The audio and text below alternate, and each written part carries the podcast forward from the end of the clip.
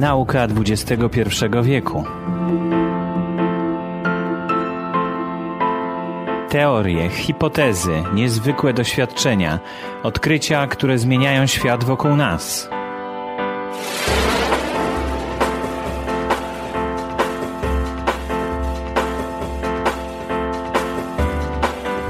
Nauka XXI wieku to podcast na temat fascynujących zagadnień z dziedziny fizyki, biologii, astrofizyki i matematyki.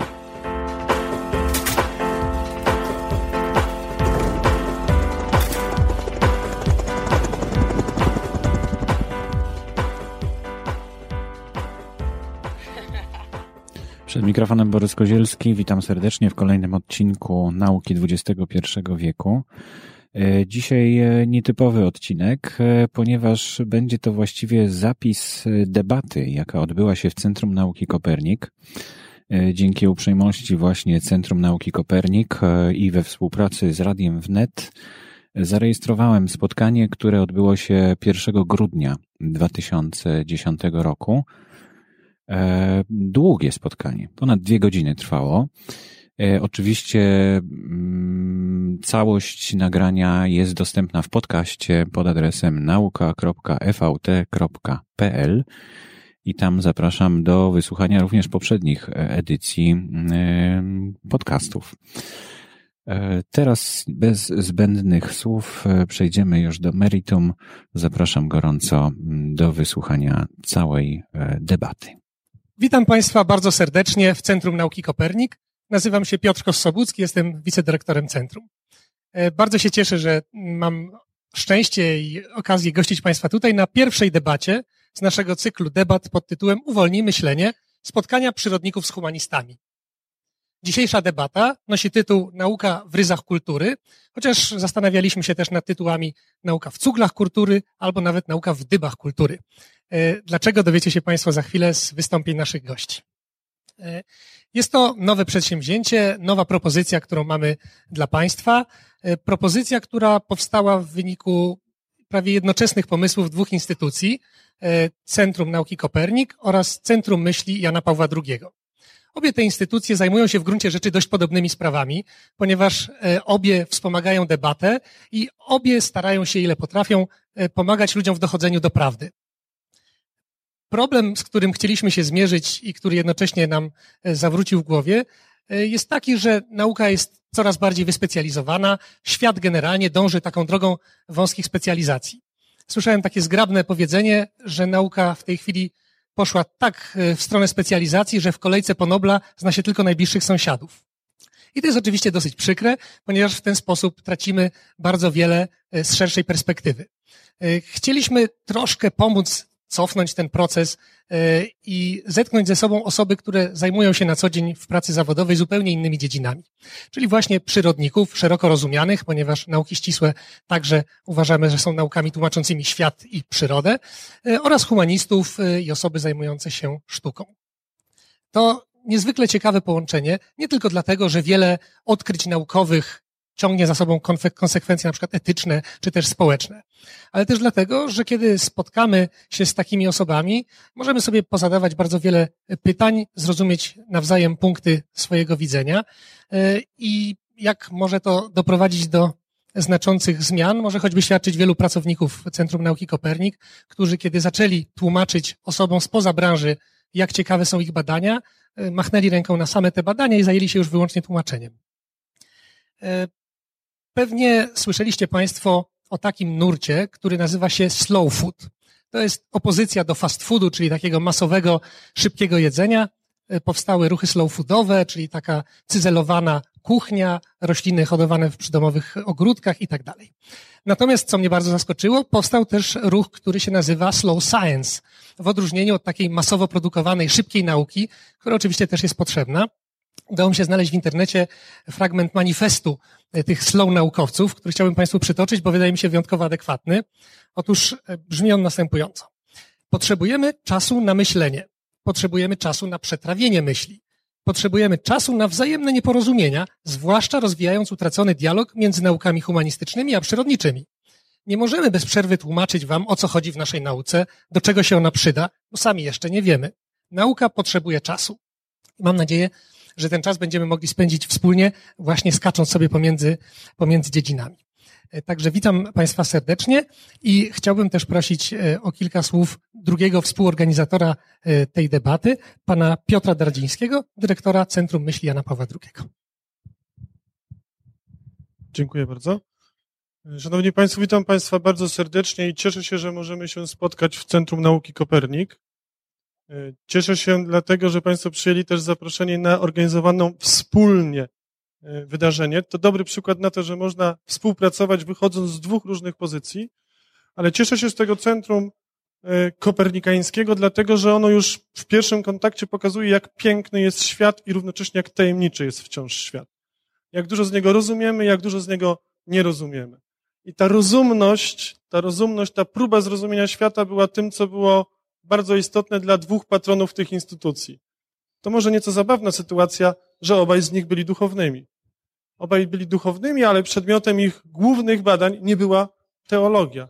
Karol Wojtyła był filozofem, był etykiem, a do tego etykiem, który inspirował się i był zainteresowany pracą naukowców, którzy zajmowali się dziedzinami ścisłymi. Stąd spotykał się z nimi regularnie w Krakowie jako biskup krakowski, a te spotkania potem przekształciły się w spotkania w Castel Gandolfo. Państwo wiedzą, raz na dwa lata przyjeżdżali tak zwani humaniści, a w innych latach przyjeżdżali tak zwani ściśli. My postanowiliśmy zrobić krok naprzód i zaprosić Państwa równocześnie. E, wiedząc, że skoro ta, to bycie duchownym i naukowcem nie, nie zdezintegrowało ani Kopernika, ani Jana Pawła II, to mam nadzieję, że i nas nie zdezintegruje, ale zintegruje i pokaże nam tajemnicę świata z różnych punktów widzenia. Jeszcze raz więc dziękuję i za obecność Państwa i za możliwość spotkania się w Centrum Nauki Kopernik. I zapraszam na pierwszą debatę z cyklu Uwolnić myślenie. Pierwszą debatę, której tematem będzie, jak było powiedziane, nauka w ryzach kultury, a którą rozpocznie i poprowadzi pan profesor Jerzy Wetulani. Bardzo proszę, panie profesor. Dzień dobry, to jestem ja. My resztę będziemy robili na siedząco, ale na razie jeszcze też wstanę. Bardzo dziękuję Centrum, że to wszystko zostało zorganizowane i Y, reguły nasze są, będą takie. Ja dam naprzód wstęp, mam nadzieję, że krótki. Po czym Państwo, którzy są Państwo dobrze znani, prawda, Pani profesor Poprzęcka i Pan profesor Meissner, zrobią takie krótkie przerzucanie się sobą, właśnie humanistyka, historyk sztuki, pani profesor, i fizyk, pan profesor Meissner, będą próbowali powiedzieć, jak kultura i sztuka ze sobą działają, a potem poprosimy Państwa o głosy, te głosy poprosimy o to oczywiście, żeby były stosunkowo krótkie, dlatego, bo o godzinie dziewiątej musimy skończyć, ale sądzę, że to będzie wartościowe spotkanie.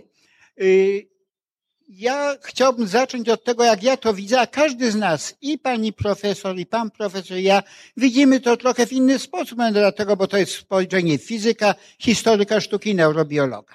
Ale mnie się tak wydaje, jako biologowi, że kultura i nauka to były dwie strategie, które ludzkość sobie wypracowała po to, ażeby zdobywać świat. I pierwsza powstała kultura. Kultura była bardzo pragmatyczna i wszystko to, co ona robiła, to służyło temu, żeby dana społeczność, którą ta kultura obejmowała, mogła dobrze przetrwać i dobrze prosperować. Kulturze nie chodziło o odkrycie prawdy, tylko o stworzenie pewnej sytuacji, która była korzystna dla tej grupy. Na przykład religia została wytworzona przez kulturę nie po to, żeby poznać prawdę o świecie, tylko po to, ażeby zapewnić pewną kohezję grupy i pewne cele, żeby grupa mogła przeżyć. I jak wiemy, doskonale to działa aż po XX wiek. Y, natomiast i kultura zrobiła nasza moralność, nasze systemy, Y, prawne, to wszystko było dziełem kultury. Nauka była młodszą siostrą kultury i zaczęła powstać wtedy, kiedy okazało się, że nie tylko takie pewne rzeczy opierające się na psychologii człowieka, ale tak samo i świadomość o tym, jak wygląda świat zewnętrzny, może być ważna dla ludzkości i przydaje się w pokonywaniu świata. I nauka to była ta strategia, która dążała do poznania prawdy. I w odróżnieniu od kultury, która była pragmatyczna i chodziło o to, żeby społeczeństwo dobrze funkcjonowało, natura właściwie jest absolutystyczna. Natura chciała rozpoznać, jak prawda wygląda i głosić tą prawdę niezależnie od tego, jakie są konsekwencje tej prawdy. Coś tak jak, prawda, kantowska, kantowski imperatyw.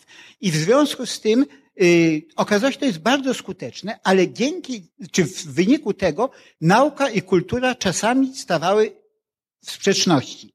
Kiedy kultura próbowała okiełznać naukę?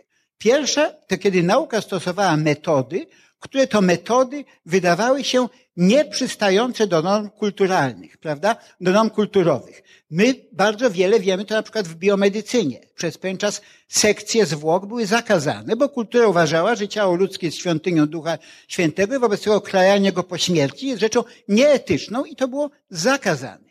Do dziś dnia bardzo nie lubimy doświadczeń wiwisekcyjnych na zwierzętach. Bardzo nie najgorzej pomyślane. Doświadczenia biologiczne, które prowadził dr Mengele, są tak sprzeczne z naszą kulturą, że nawet o nich właściwie pozytywnie nie można mówić o pomyśle, dlatego, bo nasza kultura tutaj absolutnie kładzie yy, rękę na na twarzy, na twarzy nauki. A więc jedno to, kiedy stosujemy klonowanie, prawda, no mnóstwo jest takich historii, przy których kultura nas ogranicza. Czy to jest dobre, czy złe? No i czasami dobre, czasami złe. To, że w tej chwili badamy mózg metodami neuroobrazowania, to dlatego, bo nauka, nie mogąc zrobić doświadczeń z sekcjonowaniem żywego mózgu, musiała znaleźć metodę, dzięki której można znacznie skuteczniej badać to, co w mózgu się dzieje. Drugi moment sprzeczności to jest wtedy, kiedy nauka zaczyna obalać pewne aksjomaty kultury. A więc na przykład, kiedy zaczęto kwestionować centralną pozycję Ziemi we wszechświecie, pozycję człowieka jako absolutnie wyjątkowego w świecie istot żywych. I tu są też takie generalne, generalne kłótnie pomiędzy nauką a kulturą, które jednak, jak widzimy, są rozwiązywane, są rozwiązywalne i w jakiś sposób te dwie strategie chociaż jest to szorstka miłość, jakoś się uzupełniają. To tyle, ile ja chciałem powiedzieć, a teraz oddaję głos właśnie naszym y, gościom, naszym dyskutantom. Pani profesor Poprzednia. Dobry wieczór Państwu. Y, hasłem tych debat jest uwolnij myślenie. Więc ja zachęcona uwolniłam myślenie i w pierwszym rzędzie zastanowiłam się nad tytułem naszego spotkania, których aczkolwiek ulegało modyfikacjom, to jednak cały czas y, my mieliśmy zadany temat nauka w ryzach, w ryzach kultury. Y, I to zastanowienie doprowadziło mnie do wniosku, że ten tytuł, który pozornie jest zupełnie przezroczysty, obiektywny i niewinny, niesie ze sobą różnego rodzaju sugestie. Mianowicie sugestie pewnej konfrontacji pomiędzy nauką i kulturą, Zresztą tutaj dobór dyskutantów, prawda, że się bierze osoby z różnych dziedzin, jakby podkreśla te, te, te, te, to konfrontacyjne tło, czy konfrontacyjne podglebie takiego, takiego pomysłu. I co więcej, że kultura przez użycie słowa ryzy jest tutaj też taki potrzeb, jakby taki podtekst wprowadzony, że kultura może być wobec nauki opresyjna ta moja intuicja, że właśnie tutaj jakby prowadzi to do konfrontacji pomiędzy kulturą i nauką i że kultura jest wskazanie na to, że może być opresyjna wobec, wobec nauki, narzucając jej swoje ryzy. Jakby ta moja intuicja znalazła potwierdzenie we wczorajszym artykule, który był w Gazecie Wyborczej, który zachęcał słuchaczy do przyjścia. Mianowicie w tytule zostało użyte słowo okowy. Zostało słowo okowy, czy dyby, już nawet nie wiem. W każdym razie te rysy okazały się rzeczywiście w takim rozumieniu dziennikarskim i w zachęceniu Państwa do przyjścia właśnie użyto mocniejszego słowa, które jakby do końca doprowadzało tę myśl, która moim zdaniem gdzieś tam była ukryta i płynęła podskórnie, że y, kultura może zagrażać nauce właśnie poprzez swoje dyby, okowy czy, y, czy ryzy. To jest moja pierwsza uwaga. Druga taka, że chciałabym tę naszą dyskusję bardziej mm, spersonalizować. Taki e, zmarły przed kilkoma laty wielki papież historii sztuki, uszlachcony za swoje dokonania, Sir Ernst Gombrich, w takiej książce, która co prawda została napisana w latach 40., ale po dziś dzień jest tłumaczona na niezliczoną ilość języków i i mm, wznawiana książce, która się nazywa po prostu Story of Art, a po polsku o sztuce. Otóż ta książka zaczyna się zdaniem zaskakującym. Mianowicie, nie ma czegoś takiego jak sztuka. Są tylko artyści. No więc ja idąc tym y, tropem chcę powiedzieć, że nie ma czegoś takiego jak kultura, tylko nie ma czegoś takiego jak nauka, tylko są ludzie, którzy tę naukę uprawiają. I dlatego chcę zastrzec, że byliśmy tutaj przedstawieni jako fizyk, historyk sztuki i neuro, neurobiolog. Natomiast nie wiem jak panowie, ale ja nie czuję się tutaj przedstawicielem, ani reprezentantką ani kultury, ani humanistyki, ani nawet historii sztuki. Mogę reprezentować tylko samą siebie. Mówię tak dlatego, że po prostu wiem, jak niesłychanie skomplikowane, złożone i wewnętrznie sprzeczne są sądy, które są wygłaszane przez moich kolegów, humanistów, historyków sztuki, badaczy kultury i tak. Także robię to zastrzeżenie. Ja tutaj nie reprezentuję ani humanistyki, ani kultury, reprezentuję tylko e, swój własny sąd. I wreszcie trzeci taki punkt, dotyczący samej zasady tej, e, tej dyskusji.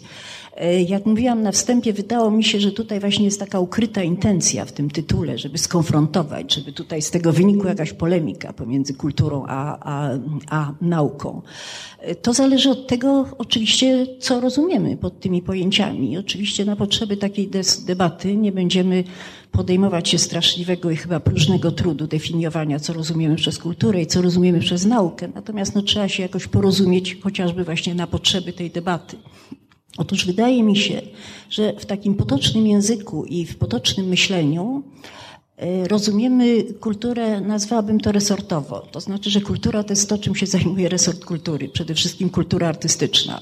Literatura, poezja, muzyka, tam sztuki wizualne, dziedzictwo kulturowe e, i tak dalej. Podczas kiedy mm, ja byłabym jednak skłonna, podobnie zresztą jak mój przedmówca, rozumieć kulturę niesłychanie szeroko I mm, najbliżej może mm, takiego no, greckiego określenia techne, techne, które no, różnie to pojęcie jest, jest tłumaczone, ale ono w, chyba najbliższe jest naszemu współczesnemu know-how, to znaczy wiedzieć jak.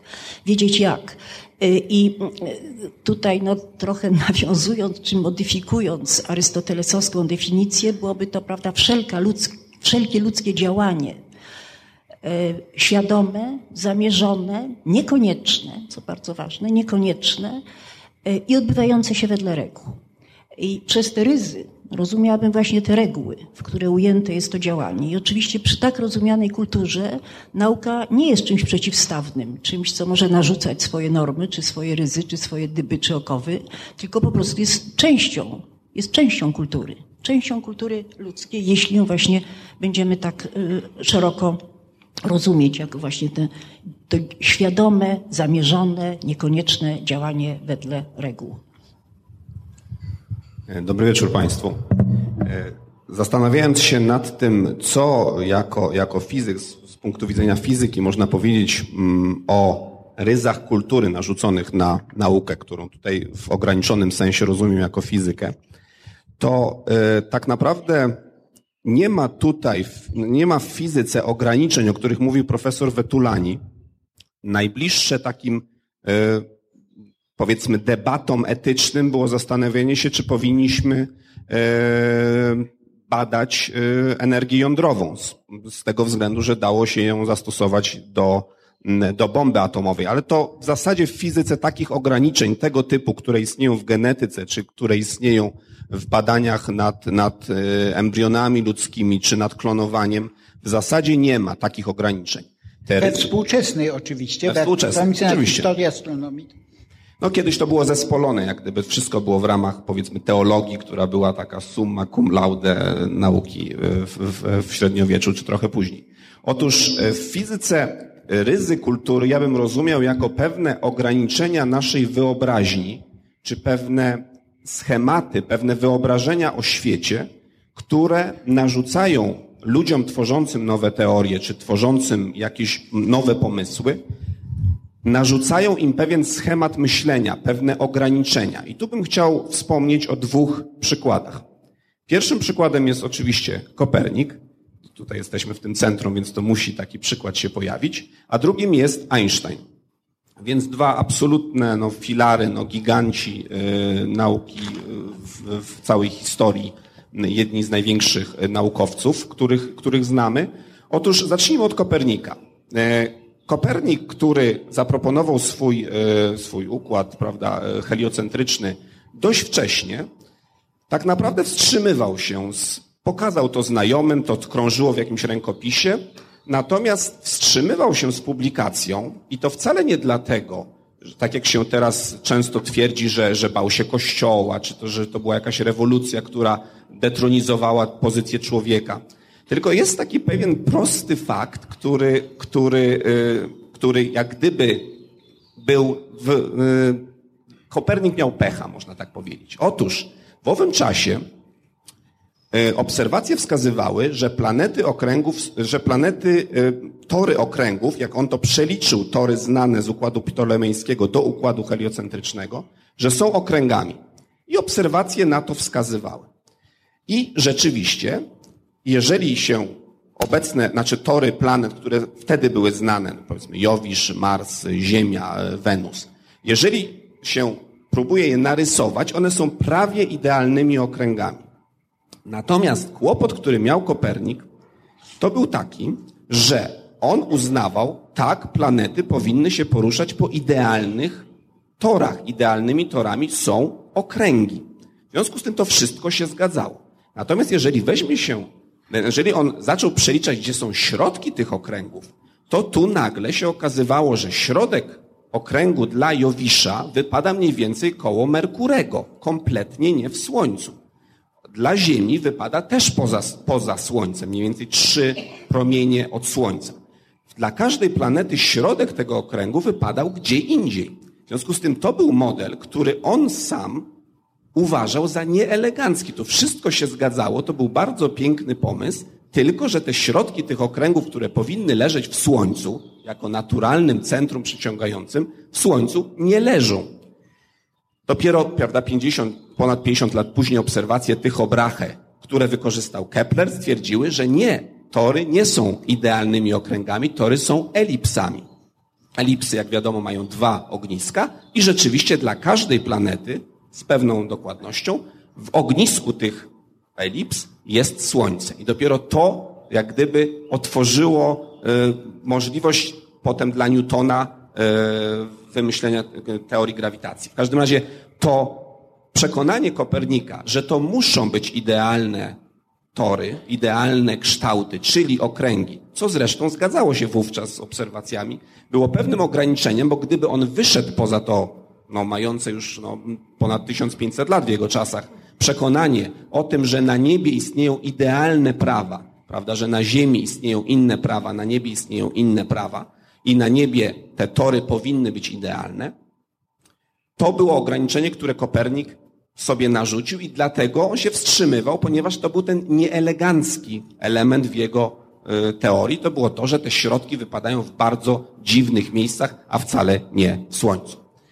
E, drugim przykładem, który chciałbym dać tych ograniczeń, które, które naukowcy, tworząc nowe teorie, sami sobie narzucają, jest Einstein. No, to był człowiek o jednej z największych odwadze intelektualnej w historii nauki, więc to trudno jego podejrzewać o jakiś strach przed podejmowaniem, przed, przed stawianiem śmiałych hipotez. Jednak jak on w 915 czy 16 roku stworzył ogólną teorię względności, czyli stworzył teorię grawitacji, która była oparta o niezwykle piękny i prosty pomysł. Teoria grawitacji jest niewątpliwie najpiękniejszą teorią klasyczną. Jest niestety trochę ukryta za barierą matematyki. No, to, jest, to, jest, to, jest, to, jest, to jest problem pewien. Natomiast jak się tę barierę przekroczy, to jest to niezwykle piękny, prosty i ogólny pomysł. Każdy się z tym zgodzi. To jest pomysł, można w jednym zdaniu powiedzieć, każdy obserwator powinien tak samo zapisywać prawa fizyki, niezależnie od tego, jak się porusza czy z przyspieszeniem, czy bez przyspieszenia, powinien tak samo zapisywać prawa fizyki. Każdy się z tym zgodzi i stąd wynika cała teoria względności. W związku z tym, ponieważ prawo, czy symetria, czy zasada jest niezwykle ogólna, to wnioski z niej płynące są niezwykle ogólne. Otóż Einstein, jak napisał swoje równania, notabene najpierw napisał je w sposób błędny, potem je poprawił, ale już jak napisał te równania, zobaczył, bez rozwiązywania, że, roz, że równania te opisują wszechświat, który się albo rozszerza, albo kurczy. Nie opisują statycznego wszechświata. Nie ma jako rozwiązań statycznych. Wszechświat nie istnieje jako rozwiązania jego pierwotnych równań. Ponieważ był człowiekiem genialnym, no to tak długo myślał, aż bardzo szybko zresztą, wymyślił, w jaki sposób należy zmodyfikować te równania, dodać do nich pewien dodatkowy wyraz, tak, żeby rozwiązania, wśród rozwiązań były również rozwiązania statyczne. Czyli to przekonanie mające już wtedy ponad 2000 lat, jeszcze sprzed Arystotelesa, że wszechświat jest statyczny, że nie można wejść dwa razy do tej samej rzeki, ale rzeka, rzeka jako taka istnieje. Że ten, to, to wyobrażenie świata było tak silne, że Einstein zmodyfikował swoje pierwotne równania po to, żeby opisywały statyczny wszechświat. Potem to nazwał największym błędem swojego życia, dlatego że gdyby tego nie wymyślił, gdyby nie wymyślił tej stałej kosmologicznej, którą dodał, stwierdziłby, no trudno, mój model widać opisuje wszechświat, który nie jest wszechświatem realnym, tak jak wtedy sądzono, ale jest wszechświatem, który się musi rozszerzać lub musi kurczyć. I wtedy o 12 lat by wyprzedził odkrycie Habla, który stwierdził, że wszechświat się rzeczywiście rozszerza. W związku z tym to było te, to narzucenie takiej, takiego schematu, takiego pojęcia, wyobrażenia, czegoś, co byśmy nazwali kulturą, prawda? czyli naszego wyobrażenia wszechświata, nawet Einsteinowi przeszkodziło przewidzieć rozszerzanie się, czyli fakt, który dla nas jest czymś podstawowym, mianowicie fakt, że wszechświat jednak jest zmienny, rozszerza się. I to te dwa przykłady, które dotyczą no, gigantów nauki, no, absolutnie największych postaci w historii, wskazują, że bardzo wiele jednak z naszych wyobrażeń, szczególnie w teoriach, które są fundamentalne, my nie mamy wyobraźni, która kompletnie jest puszczona swobodnie i dopuszczamy wszystko. Tak naprawdę nakładamy na nasze wyobrażenia, na to, co wkładamy nawet w równania, czyli coś, co jest niby ścisłe, obiektywne, nie, nie poddające się takim, powiedzmy, subiektywnym modyfikacjom, tak naprawdę zawsze w nas jest pewne wyobrażenie, które stoi za równaniami, które stoi za teoriami i to, nie, to dotyczy wszystkich również ludzi największych w historii nauki. Może teraz pani profesor. Jest mi bardzo miło słyszeć fizyka zajmującego się bardzo wczesnym wszechświatem, bo on mi się tak pan przedstawił i to dla mnie ładunek poetycki, który jest w tym bardzo wczesnym wszechświecie, jest czymś cudownym, ale y, bardzo jest mi miło słyszeć słowo wyobraźnia, które jest w ogóle centralnym słowem w naszych, w naszych artystycznych y, dziedzinach. Natomiast ja chcę jednak wrócić do tych ryzów trochę rozumianych inaczej.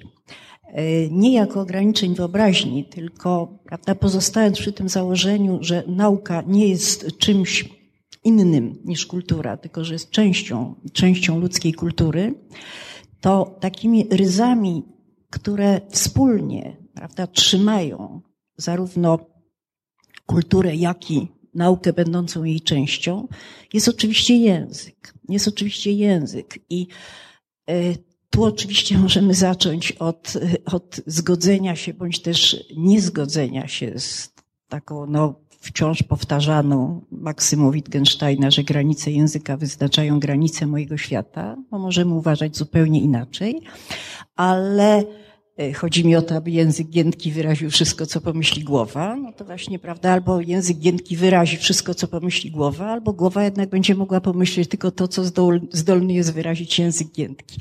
Ale nie wchodząc w tej chwili w tą zupełnie zresztą podstawową podstawową kwestię, chcę zwrócić uwagę na to, jak bardzo język, którym operujemy, i myślę, no ja bliżej mogę mówić oczywiście o, o, o, tym języku, którym operują humaniści, a zwłaszcza nauki o sztuce, które są w wyjątkowo niewdzięcznej sytuacji.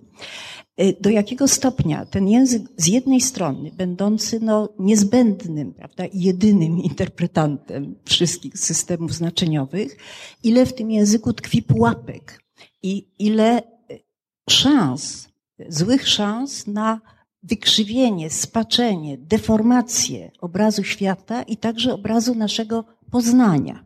E, tutaj, no, żeby wprowadzić jakiś taki wątek historyczno-artystyczny, może proszę sobie wyobrazić jako przykład taką sytuację. Jesteśmy w roku 1687 na dworze Ludwika XIV.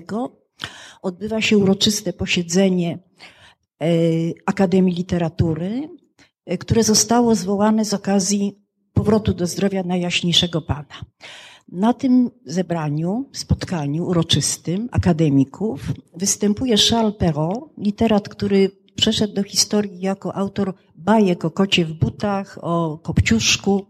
E, tymczasem to takiego figla okropnego mu zrobiła historia, ponieważ on traktował siebie samego jako bardzo poważnego literata, a nie bajkopisarza. E, Otóż Charles Perrault, który był oczywiście dworakiem, dworskim akademikiem, wystąpił na tym zgromadzeniu z panegirkiem zatytułowanym Wiek Ludwika Wielkiego. To był klasyczny dworski panegiryk na cześć panującego, który jednak przeszedł do historii jako niesłychanie znamienne pierwsze tego typu wystąpienie, gdzie egzaltacja czasów współczesnych, ich wspaniałości, Chodziło oczywiście o wspaniałość władcy, ale przy okazji była to egzaltacja współczesności i nowości. Chyba pierwszy raz tak wyraźnie była podkreślona nowość jako wartość. Ale ta egzaltacja nowości i współczesności, czasów naszych, czasów dzisiejszych, odbyła się kosztem przeszłości. Kosztem przeszłości i wielkich autorytetów przeszłości. Autorytetów antyku i przy okazji także autorytetów renesansu włoskiego, który, który wtedy Francuzi szczególnie mm, posponowali. Pierwszy raz padły zdania w rodzaju, że Homer jest nudny, że te opisy są przegadane, że to jest długie, że to jest nie do czytania, że kanoniczne wzory doskonałości artystycznej, jak grupa Laokoona, że to jest po prostu zła rzeźba i że ta ekspresja jest nie do zniesienia, że ten muskularny Laokon jest za duży w stosunku do synów, którzy nie wyglądają jak dzieci, tylko wyglądają jak karły. W każdym razie została ośmieszona i skarykaturyzowana wielka tradycja antyczna. Po raz pierwszy w ogóle w nowożytnej, w nowożytnej Europie. To wystąpienie wywołało skandal. Boileau, który był prezydentem Akademii Literatury, wyszedł i to wszystko uruchomiło taki no, kilkunastoletni proces, w wyniku którego powstała ogromna ilość różnego rodzaju utworów literackich, opowiadających się po jednej bądź też po drugiej stronie. To się nazywało spór zwolenników starożytności ze zwolennikami nowoczesności. To się zakończyło po kilkunastu latach mm, takim pogodzeniem się przeciwników na Parnasie. Natomiast 150 lat później w Paryżu, już nie w pałacu, tylko w publicznym teatrze, miała miejsce podobna awantura z okazji premiery Hernaniego, Wiktora Hugo. Oczywiście już zupełnie inaczej to wyglądało obyczajowo, inne kostiumy, inna sceneria. Chodziło w gruncie rzeczy o to samo, to znaczy o spór o wartości artystyczne, za którym to sporem jednak szła znacznie poważniejsza kwestia, to znaczy stosunek do czasów minionych i do czasów współczesnych, prawda? Czy y, wolimy nasz czas, czy y, jesteśmy nostalgicznie zwróceni ku wielkim autorytetom przeszłości. Do czego prowadzę tutaj, odwołując się do tych dwóch przykładów? Mianowicie ten XVII-wieczny, y, ta XVII-wieczna kontrowersja, przeszła do historiografii pod nazwą Querelle des Anciens et des Modernes, czyli sporu. Sporu starożytników ze zwolennikami nowoczesności. Natomiast to, co działo się w Paryżu z okazji prawda, premiery sztuka, sztuki młodego Wiktora Hugo, przyszło do historiografii pod nazwą Bataille Romantique. Chodziło dokładnie o to samo, tylko w jednym wypadku użyto słowa spór, w drugim wypadku użyto słowa bitwa. Nie muszę Państwu mówić, jak zupełnie inny ładunek emocjonalny jest zawarty w tych dwóch słowach. Y, to jest przykład, żeby zwrócić uwagę na to, jak wysoce zmetaforyzowany język, którym posługują się różne dziedziny nauki, które zapożyczają z biologii, z fizyki, y, także z polityki i z wojskowości. Zwłaszcza w mojej dziedzinie, prawda, polityzacja i militaryzacja języka niesłychanie wyraźnie, co teraz widzimy, zdeformowała na przykład widzenie sztuki XX wieku, gdzie takie określenia jak walka artystyczna, awangarda, zwycięstwo, klęska. To są wszystko takie słowa, które jakby gromadzą wokół siebie całą taką konstelację, konstelację y, skojarzeń i bardzo silnie wartościują. Wartościują zresztą dwu, dwuwartościowo, czarno-biało, które jakby y, niwelują wszystkie, wykreślają wszystkie, wszystkie niuanse. Stąd, wiodąc już do wniosku, język, którego używamy, jest właśnie tymi ryzami, w których nauka się jakby realizuje. Natomiast ten język zastawia na nas całą masę pułapek, ponieważ szukając nowych słów i przede wszystkim szukając metafor, ponieważ bardzo niewiele możemy powiedzieć, nie uciekają się do różnego rodzaju metafor, możemy czasami doprowadzić do całkowitego zniekształcenia tego obrazu, który byśmy chcieli w nauce stworzyć.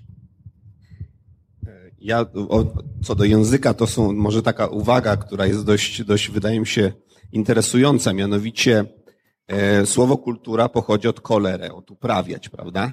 I polskie słowo koło ma identyczny źródłosłów praindoeuropejski od tego samego. Więc Kopernik, który ryzy kultury i jego koło, to jest dokładnie coś, co, to są te ryzy, które on sobie narzucił.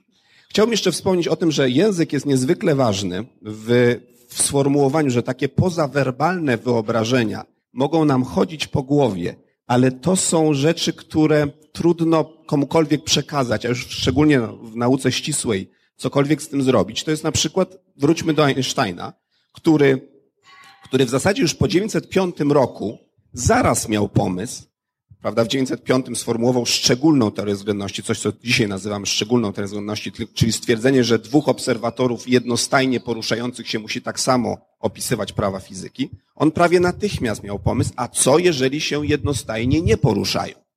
I ten pomysł, który miał natychmiast praktycznie, musiał czekać 10 lat na tak naprawdę zapisanie go w 915 roku, Dlatego, że brakowało języka, który pozwalałby Einsteinowi zapisać ten pomysł w taki sposób, żeby z tego wynikały jakieś wnioski, które można było dopiero jak się dowiedział, jak że Riemann, prawda, niezwykły geniusz matematyczny, żyjący 50 lat wcześniej, całą, cały formalizm w zasadzie z zupełnie innego powodu wprowadził, to dopiero wtedy, jak był ten język, który on mógł użyć, którego mógł użyć, czyli język właśnie tensorów, Riemanna i tak dalej, i tak dalej, to nagle idea, która była bardzo nieokreślona, która była, okazała się genialna, która do tej pory nam ciężko ją poprawić. Może za chwilkę powiem, dlaczego ją chcemy poprawiać. Nagle ona zyskała taką postać, z której wynikało mnóstwo innych rzeczy. Samo zapisanie tego przekroczyło wielokrotnie pomysł pierwotny Einsteina, ponieważ okazało się nagle, że to jest pierwsza teoria, w ramach której możemy opisywać globalnie wszechświat. W ramach teorii grawitacji Newtona nie było to możliwe. Teoria grawitacji Newtona jest tylko do opisu lokalnych oddziaływań grawitacyjnych. Natomiast nie opisuje wszechświata jako całości. Także w tym sensie zapisanie tego w jakimś języku, w tym przypadku matematyki oczywiście, jest, nagle otwiera zupełnie nowe horyzonty. Dlaczego my chcemy zmodyfikować? Może taką uwaga, zanim, zanim przejdziemy do, do kolejnej. Einstein, jak stwierdziłem, jest to najpiękniejsza teoria klasyczna, jaką, jaką stworzono. Absolutnie jest, jest ktoś, kto ją pozna choć trochę, no po prostu zadziwion, zadziwienia wyjść nie może. E, jest piękna, jest prosta, jest elegancka, jest oparta o prostą zasadę. Otóż my wiemy, że teoria Einsteina mając te wszystkie cudowne cechy, nie może być teorią ostateczną. To znaczy, ma ona jedną z naszego punktu widzenia wadę, ale bardzo, bardzo poważną. Mianowicie ta wada to jest fakt, że teoria Einsteina jest teorią klasyczną.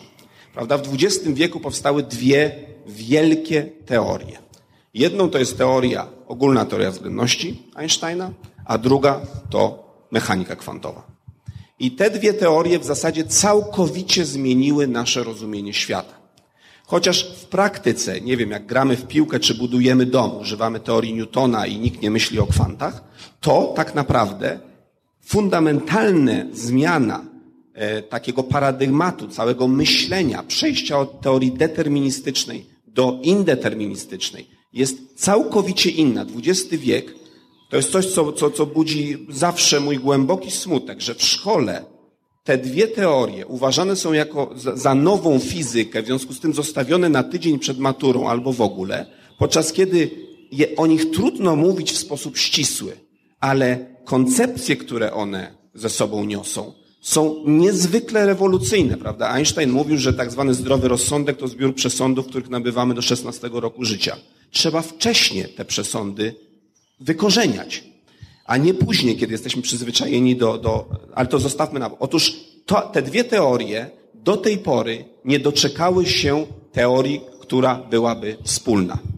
Znaczy, która byłaby jednocześnie łączyła ze sobą to piękno, ten sam pomysł e, symetrii, którą wniósł Einstein i teorii kwantowej, która jak wiemy, jeżeli czemukolwiek się przyjrzymy głębiej, czy dlaczego, dlaczego ta woda, w wodę mogę włożyć palec, a w stół nie mogę, to tak naprawdę musimy na końcu odwołać się do mechaniki kwantowej.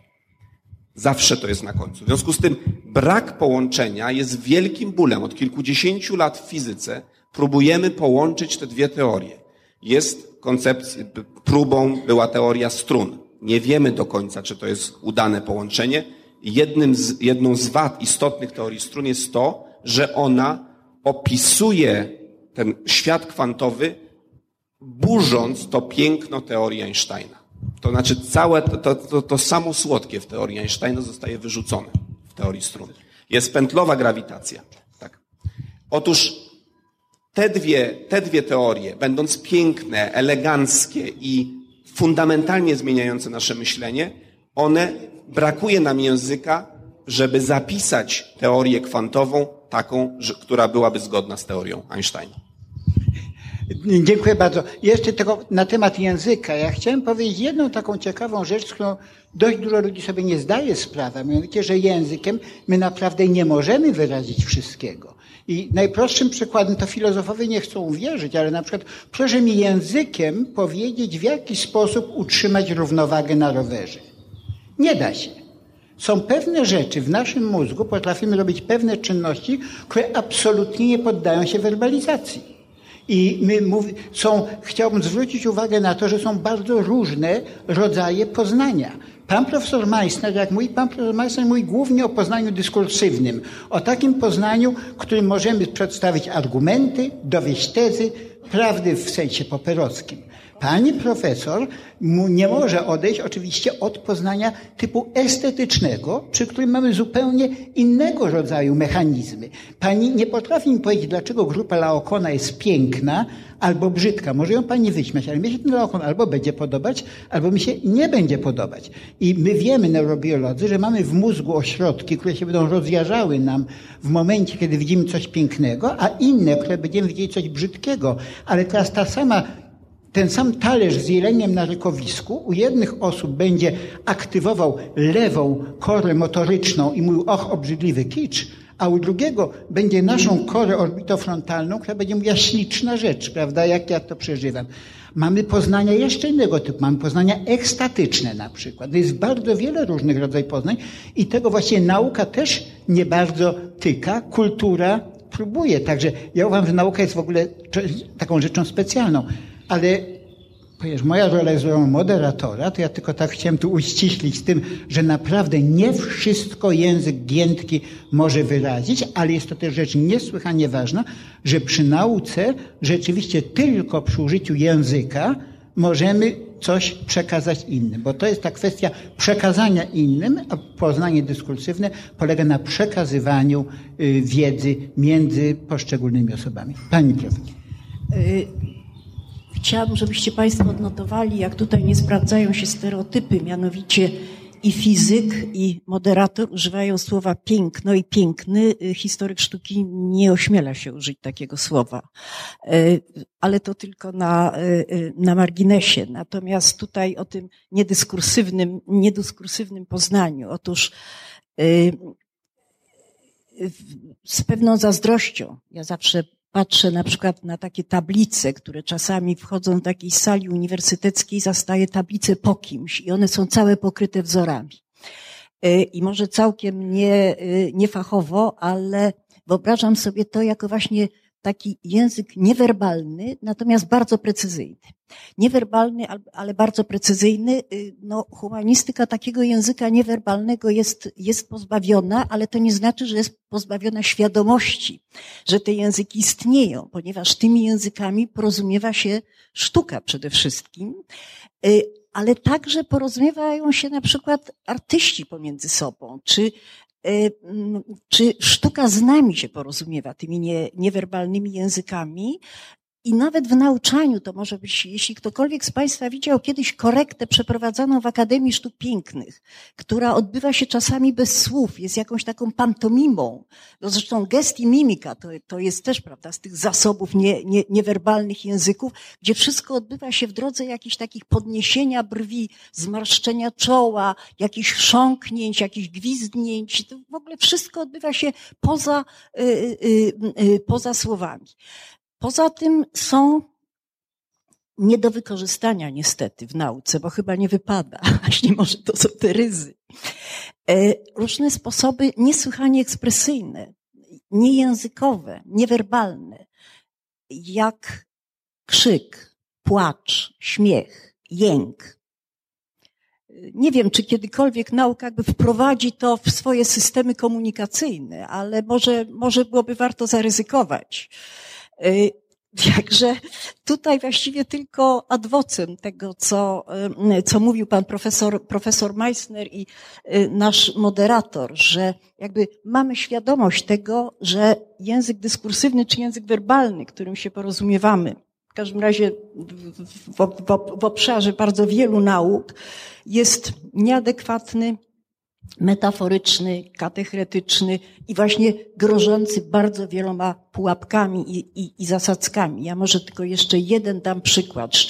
Taki przykład, akurat te, które dawałam, one są bliskie językowi mówiącemu o sztuce. Natomiast to jest słowo, które pojawia się niemalże wszędzie, mianowicie słowo rewolucja. E, słowo rewolucja, które zresztą podobno jest przejęte już do polityki właśnie z, z De Revolutionibus.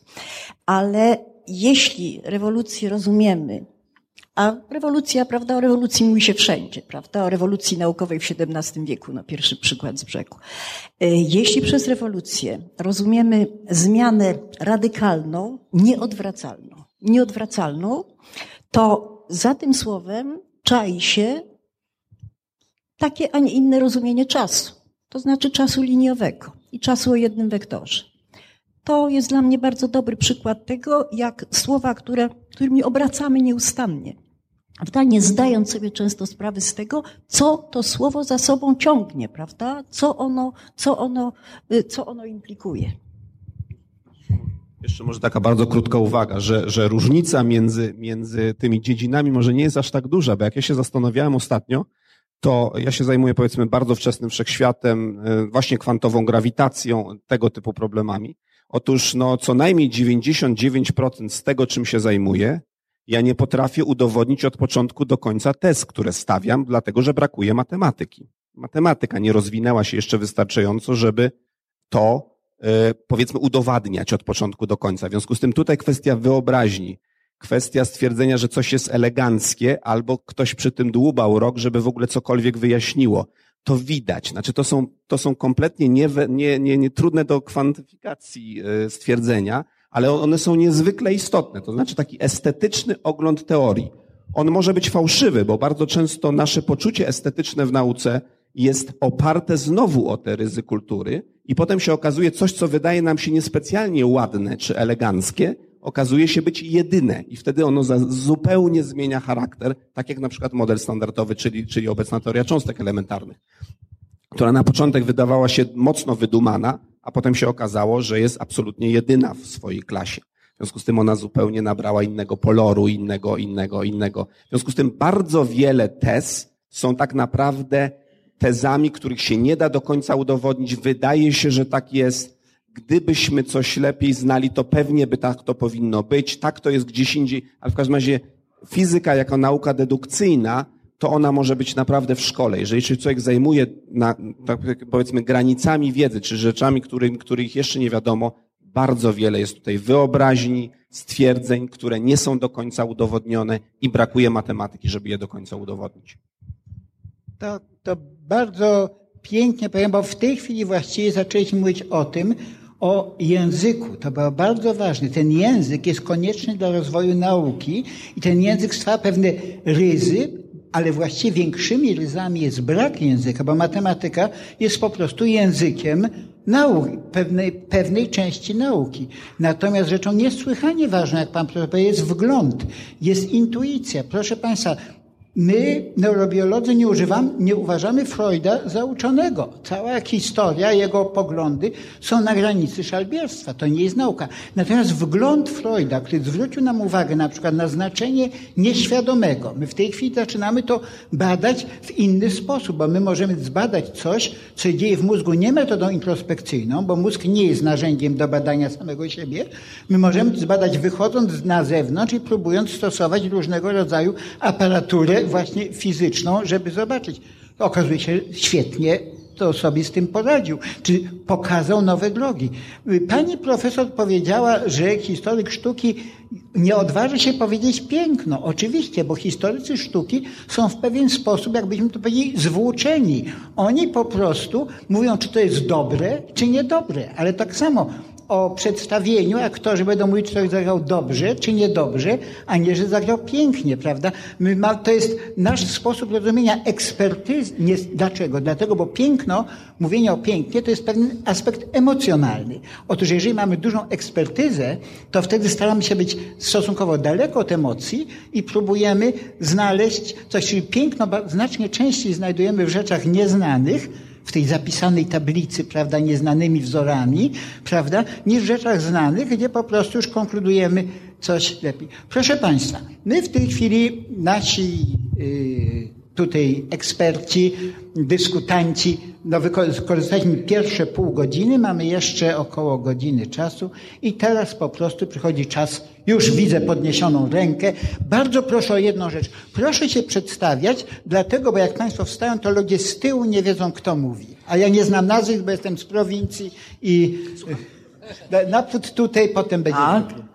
Proszę bardzo. Ewa Wiprzycka, historyk starożytności. Muszę powiedzieć, że nic rozkoszniejszego niż słyszeć fizyka, który mówi o teorii ostatecznej. A co to jest e, za teoria ostateczna?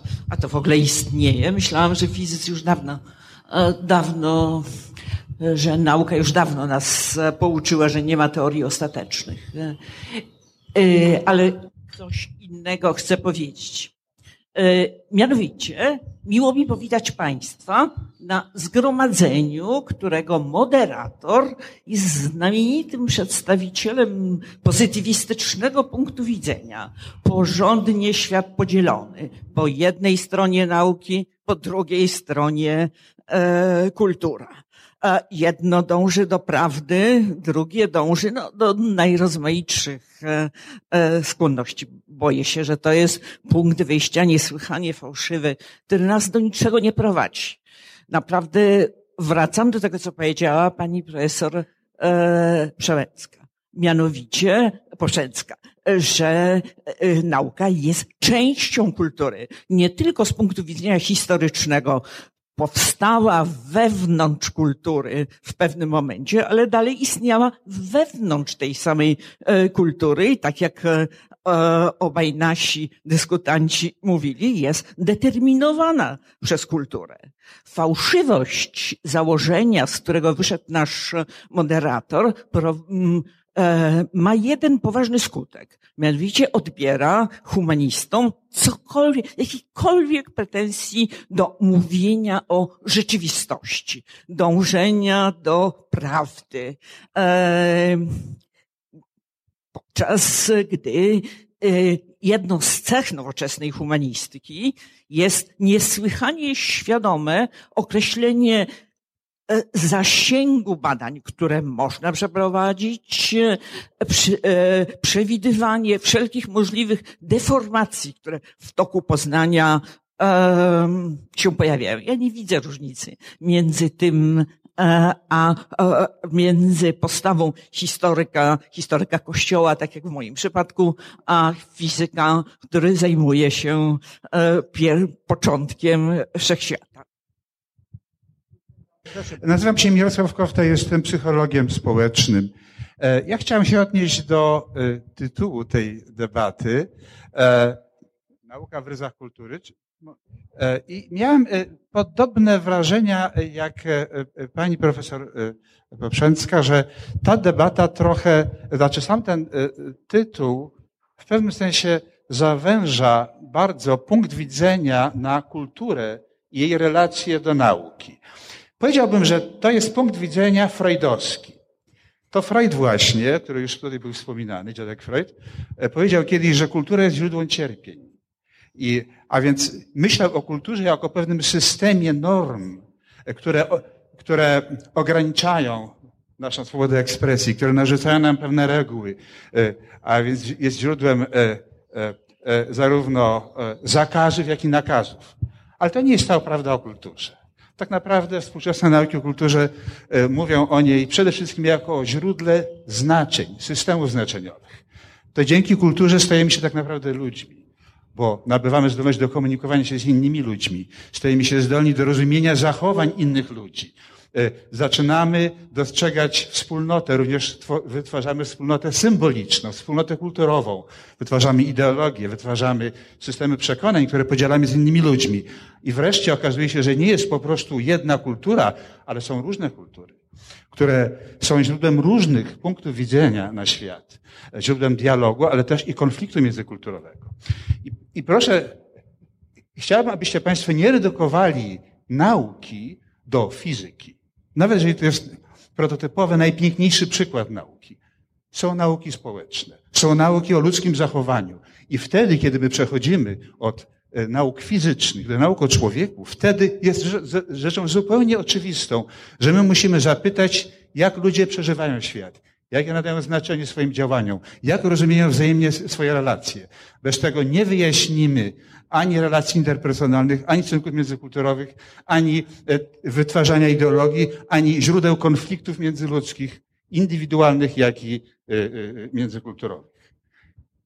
I kończąc, chcę powiedzieć, że ten punkt widzenia, który myśli o człowieku jako przedmiocie badań naukowych, ale człowieku, który przeżywa świat i nadaje znaczenia, zbliża się bardzo w tej chwili do neurofizjologii, ponieważ ona dostarcza nowych narzędzi pozwalających coraz lepiej zrozumieć, jak od strony mechaniki mózgowej, jak od strony dynamiki tych procesów e, wygląda e, taki proces jak przykład empatia, jak e, reagowanie emocjonalne, prawda? Wiemy o tym coraz więcej i wspaniale rozwijają się nowe nurty w obrębie psychologii, na przykład tak zwane ucieleśnione poznanie, które w sposób niezwykle elastyczny, inteligentny wiążą zainteresowanie tym, jak ludzie konstruują świat, nadają mu znaczenie, z tym, jakie procesy mózgowe odpowiedzialne są za to konstruowanie, nadawanie znaczeń. A źródłem znaczeń jest zawsze i wszędzie kultura.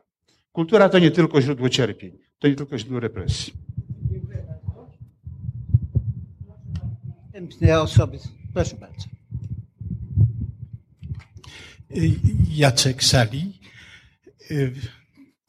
Ja troszeczkę się boję, może to przeakcentuję, że kultura tu jest rozumiana zgodnie z tą koszmarną definicją, że jest to gwałt silniejszego nad słabszym. Y, zdecydowanie y, prawdziwe wydają mi się te spojrzenia, gdzie nauka jest E, widziana jako e, fakt kultury. E, nie przeciwstawiana kulturze, tylko jako fakt kultury. I w związku z tym, znaczy jeżeli w ogóle tak się umówimy, że przez kulturę rozumiemy kulturę całą za wyjątkiem nauk, nauk przyrodniczych, to oczywiście może się zdarzyć, że nauka będzie w ryzach kultury, ale wydaje się, że o wiele częściej się zdarza, że kultura daje inspirację nauce. Y, ja y, przyrodoznawstwem się nie zajmuję, ale no w oparciu o tę taką wiedzę, jaką ma przeciętny polski inteligent, to jakoś tak mi się wydaje, że mm, fizyka nowożytna mogła powstać dopiero po rozbiciu starożytnych zabobonów, jakoby świat ponadksiężycowy był światem boskim. To jest w ogóle wielkie pytanie. Grecy, którzy rozwinęli tak wspaniałą matematykę i tak wspaniałą astronomię, dlaczego mm, e, byli twórcami tak no, nieudanej fizyki, jakiej przykładem jest choćby Arystoteles. Właśnie jakby, jakby sądzono, że matematyka, wiedza boska nadaje się do opisywania świata, boskiego świata y, ponadksiężycowego. I trzeba było y, no, długiego czasu, żeby to rozbić. To y, ostatecznie, jak się wydaje, ja przepraszam, jeżeli coś mówię po dyletancku, to zwłaszcza Państwa fizyków przepraszam, ale, ale trzeba było długiego czasu, zanim no, Galileusz tak mocno wyeksplikował, że matematyka jest najwłaściwszym językiem do badania zjawisk fizycznych. Mi się przypomina anegdota mm, Paul Dirac, ten z największych fizyków XX wieku, który bardzo jednoznacznie był ateistą, o którym Y, znaczy taka anegdota krąży, że, że nie umiał się powstrzymać, żeby nie powtarzać y, tym, z którymi się spotyka, że Pana Boga nie ma i podobno Niels Bohr nauczył się go jakoś tak opanowywać i kiedy on zaczynał swoją melodyjkę, obsesyjkę, to, to Niels Bohr miał mówić, tak, tak, to już wiemy, że Pana Boga nie ma, a nasz przyjaciel Dirac jest jego prorokiem. E, ale ja mówię e, to w celu, e, powiedzmy, jakby pokazania czegoś, co też, no nie jestem fizykiem, to nie wiem, czy tam czegoś nie ma wymyślonego. Podobno właśnie Paul Dirac jest autorem zasady metodologicznej, że jeżeli e, to samo zjawisko da się objaśnić za pomocą równania bardziej prostego czy bardziej skomplikowanego, to się nie namyślamy, tylko wybieramy bardziej proste. Co to znaczy?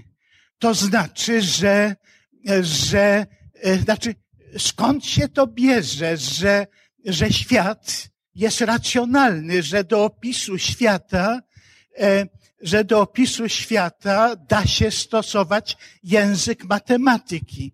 Ja już kończę, ale może przypomnę, że na ten moment zwrócił uwagę bardzo pięknie w przemówieniu, które zupełnie innego powodu e, narobiło e, wielkiego skandalu Benedykt XVI w swoim przemówieniu w Ratyzbonie. Właśnie zwrócił uwagę na to, że, że sam fakt, że matematyka jest właściwym językiem do e, opisywania zjawisk fizycznych, no wskazuje na to, że e, fizycy jakby muszą przekazywać, e, przekazywać swoją problematykę na inną płaszczyznę, na przykład na tą, na której działają filozofowie.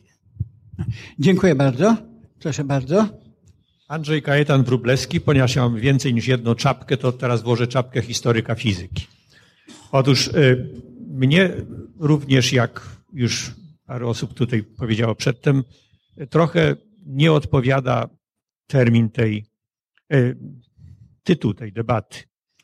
E, zacznę od tego, że rok temu był w Krakowie kongres kultury, na którym mnie zresztą nie było, bo to za wysokie progi, ale potem, kiedy się dowiedziałem, co tam było, to napisałem dość taki gniewny artykuł do pauzy akademickiej takiego pisma wydawanego przez Polską Akademię Nauk, gdzie przypomniałem e, to, Polską Akademię Umiejętności, oczywiście, przepraszam bardzo, bo pauza.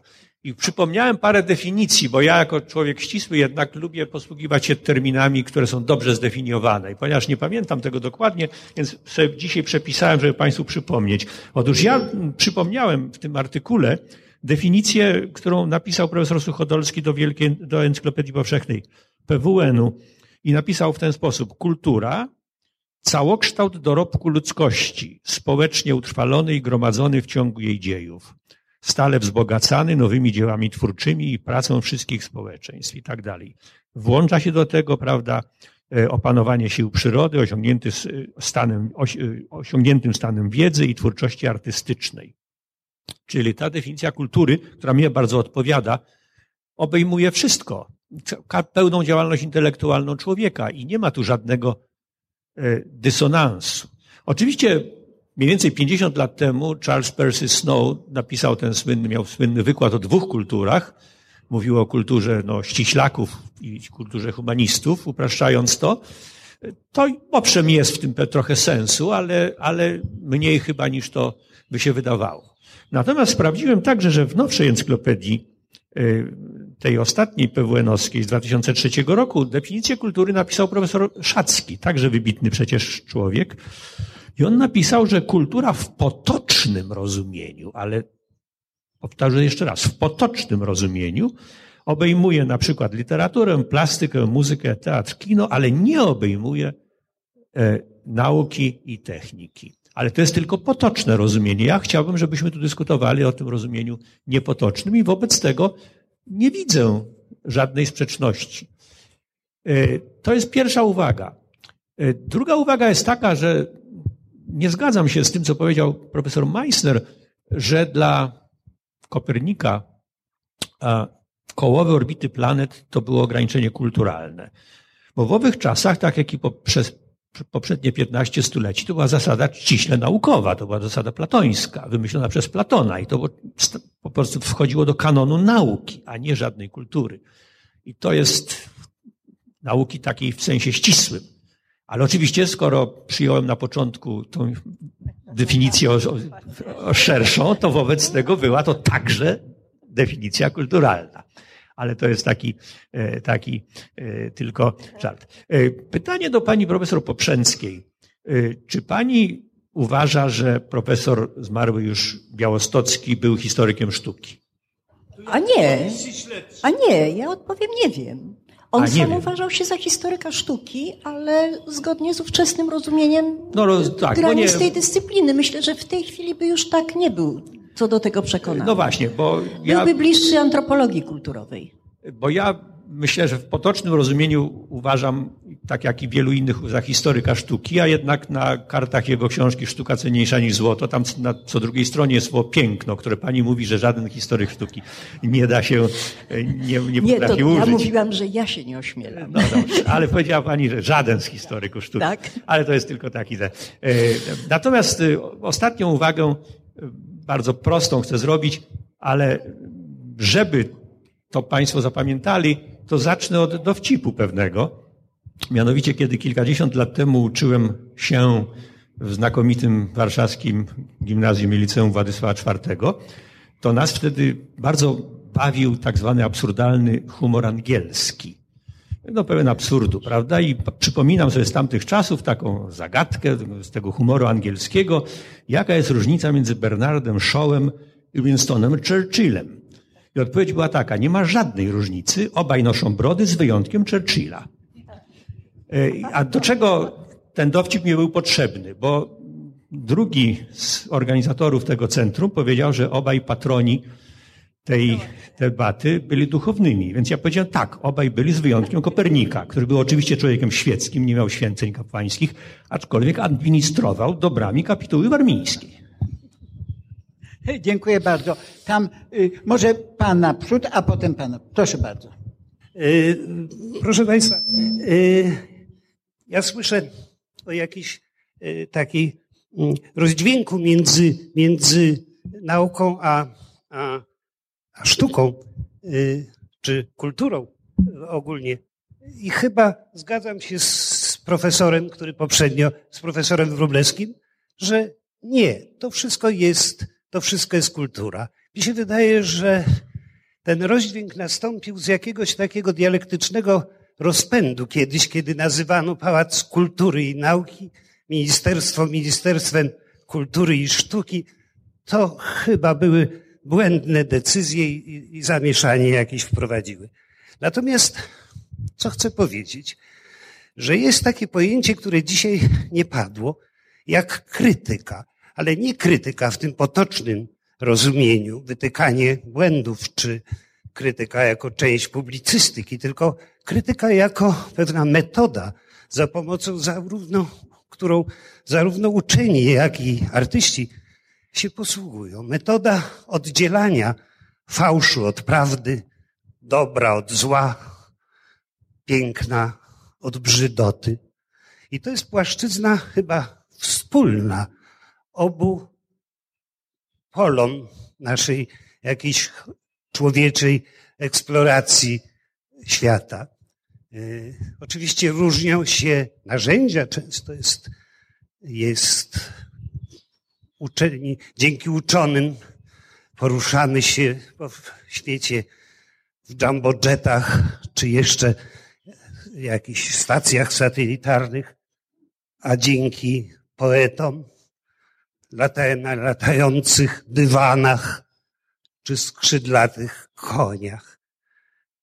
I niepokoi mnie w związku z tym, że to pojęcie krytyki w tym bardzo e, głębokim sensie, tym filozoficznym znaczeniu, jest w tej chwili w jakiś sposób nadużywany. Może nie pierwszy raz w historii, kiedy słyszę na przykład krytyka polityczna, coś, o czym się dość często ostatnio słyszę. Co to jest takiego? To jest jakiś rodzaj krytyki, czyli tej metody ważenia, rozważnego oddzielania właśnie prawdy od fałszu i tak dalej, podyktowana jakąś opcją polityczną. Bo gdybym słyszał, że polityka krytyczna, a to bym myślał polityka rozważna. To znaczy taka, która właśnie stosuje te kryteria. Natomiast krytyka polityczna, nie wiem, nie wiem, czy się nie mylę, ale mnie się kojarzy z takim pismem, które w 60. jeszcze latach chyba w Rosji, znaczy w Związku Radzieckim się, waprosy iskustwa. I tam była właśnie krytyka z punktu widzenia jakiejś doktryny politycznej, cały socjalizm zresztą, czy decyzję o tym, że jakaś sztuka będzie entarte de Kunst w Niemczech, to były właśnie te, to była ta krytyka polityczna. Dalej funkcjonują pojęcia, niedawno też słyszałem, że miało być muzeum krytyczne. Na szczęście jakoś chyba powstrzymano tego autora tej koncepcji. Sztuka krytyczna. Co to wszystko jest? Czy to nie jest, bo ten właśnie dyrektor muzeum, którego odwołano, na szczęście, mówił, że on jest neomarksistą. Yy, Boże, czyżby neowidmo krążyło nad Europą? Yy, czy za tym się nie kryje jakieś szalbierstwo? Tutaj dzisiaj pan profesor Wetulani użył tego słowa. Tak, szalbierstwo.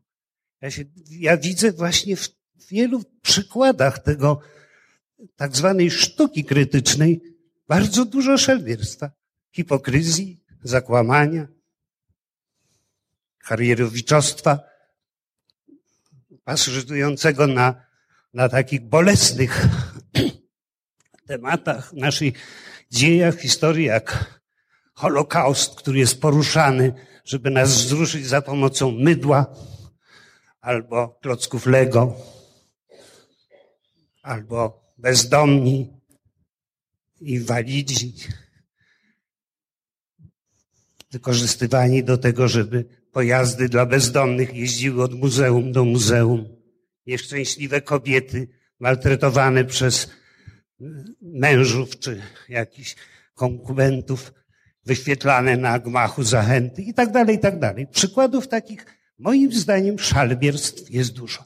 Panie Czy profesorze, ja bardzo dziękuję, ale jeszcze mamy tylko Tak, pół przepraszam. godziny czasu, także, ale to bardzo była cenna uwaga, bardzo istotna. To być może to będzie temat na następną debatę. Proszę bardzo, tam był głos, proszę bardzo. Łukasz Turski. Ja troszeczkę jestem właśnie zadowolony z tego, że y, ta debata wpadła w taki znany z literatury polskiej kanon pytań z Forki, z Horsztyńskiego. Dlaczego kij ma dwa końce? Dlaczego mamy kulturę i naukę? I drugiego, co było wcześniej, czy kultura, czy nauka, co odpowiada drugiemu pytaniu z Forki, co Pan Bóg stworzył wcześniej, czy jajko, czy kurę. E, Mam nadzieję, że Państwu uda się zwiedzić kiedyś Centrum Nauki Kopernik i zobaczycie wtedy Państwo, że nam, którzyśmy to zbudowali, udało się uniknąć tego dylematu i jak myślimy, pokazujemy, że to jest kompletnie fałszywy dylemat, że nie ma różnic między kulturą i nauką. E, Ponieważ toczyła się dyskusja o matematyce, czy matematyka jest uniwersalnym językiem fizyki i przyrody, e, jest już po ósmej, więc można pewne rzeczy mówić. Mianowicie świat pełen jest potworów i współczesna cywilizacja cierpi pod władzą potwora, który w fizyce nazywa się potworem kt logarytmów z dwóch. To jest pochodna drugiej zasady termodynamiki, za którą płacą państwo elektrowni rachunki, ciep i tak dalej, i tak dalej. Otóż y, ten potwór został zamordowany przez takiego nieżyjącego już fizyka o nazwisku Rolf Landauer, który kilkanaście lat temu napisał taki artykuł, którego tytuł brzmi Potrzebna od zaraz fizycznie realizowalna matematyka. Matematyka nie jest językiem, który istnieje dla fizyki. Matematyka bez fizyki nie istnieje. To pytanie nie ma żadnej odpowiedzi i nie powinno być stawiane, podobnie jak to pytania z forki. I dlatego ta dyskusja będzie się toczyć i toczy się od lat, prawda? I ona nigdy do niczego naprawdę nie doprowadzi. Obliczenie w matematyce wymaga wykonania operacji matematycznej. Operacje matematyczne z definicji są nieodwracalne. Jak ktoś Państwu powie liczbę 8, to nie macie Państwo możliwości udzielić odpowiedzi na to, że to jest 6 plus 2, albo 4 plus 4, albo 5 plus 3. Informacja została stracona w obliczaniu sumy dwóch liczb, której ich wynik daje 8. I w związku z tym matematyka wymaga fizyki, wymaga praw fizyki. Nie istnieje bez praw fizyki. I w związku z tym to jest taki znany metodologiczny przykład pokazujący, że toczenie dyskusji o tym, dlaczego kij ma dwa końce, jest niezwykle interesujące, ale prawie nigdy nie prowadzi do żadnych rozsądnych konsekwencji. Ja przy, przygotowałem, Andrzej Paszewski, przepraszam, nie był mikrofon włączony. Ja tutaj przygotowałem pewien kontrapunkt do tytułu tej konferencji, znaczy kultura w ryzach nauki. A to może dlatego, że jestem biologiem i teraz widzę pewną arogancję biologów, która się w tej chwili pojawia na świecie w związku z wielkimi osiągnięciami zarówno nauki, samych postępu biologii, jak i technologii, które ona wprowadza. I e, jako przykład e, takiego stanowiska, e, tutaj mam cytat Edwardsa, tego mm, pioniera zapłodnienia w próbówce, który teraz dostał Nagrodę Nobla. Przepraszam, ja kilka cytatów zrobię, a to będzie szybciej, niż bym mówił. On twierdzi tak, wielu nienaukowców widzi założoną rolę nauki prawie jako do działalności gromadzenia faktów, nie dostarczających wartości, sensu moralnego i standardów, argumentując, że prawa moralne muszą być oparte na tym, co człowiek wie o sobie samym, a ta wiedza z konieczności pochodzi od nauki. Oczywiście on naukę i tutaj prawdopodobnie w zamierzeniach organizatorów raczej naukę rozumieli jako nauki ścisłe i przyrodnicze, a nie naukę w ogóle. W, w polskim języku nauka obejmuje wszystko, a tu chodzi raczej o science, prawda? O, o tym mówimy i konflikt między e, nauką w rozumieniu science i kulturą daje się bardziej zdefiniować. Jak te nauki są stosunkowo łatwe do zdefiniowania, zdefiniowanie kultury jest dosyć trudniejsze. Kleber chyba zebrał chyba ponad 300 definicji kultury. Ale mm, wydaje mi się, że może tak dosyć szeroko rozumiana kultura to stanowi e, o, o tym pewne mm, taką rzeczywistość duchową, obejmującą sensy, znaczenia, tu pan profesor mówił, i wartości. Elzenberg jest lepszy, bardziej znanych, znakomitych filozofów polskich w ogóle zdefiniował, że kultura jest to zmuszanie dzieju, żeby służyło wartościom. I właśnie teraz o tych wartościach zaczyna mówić, że to nauka, biologia na przykład ma to. Fizycy są bardziej skromni.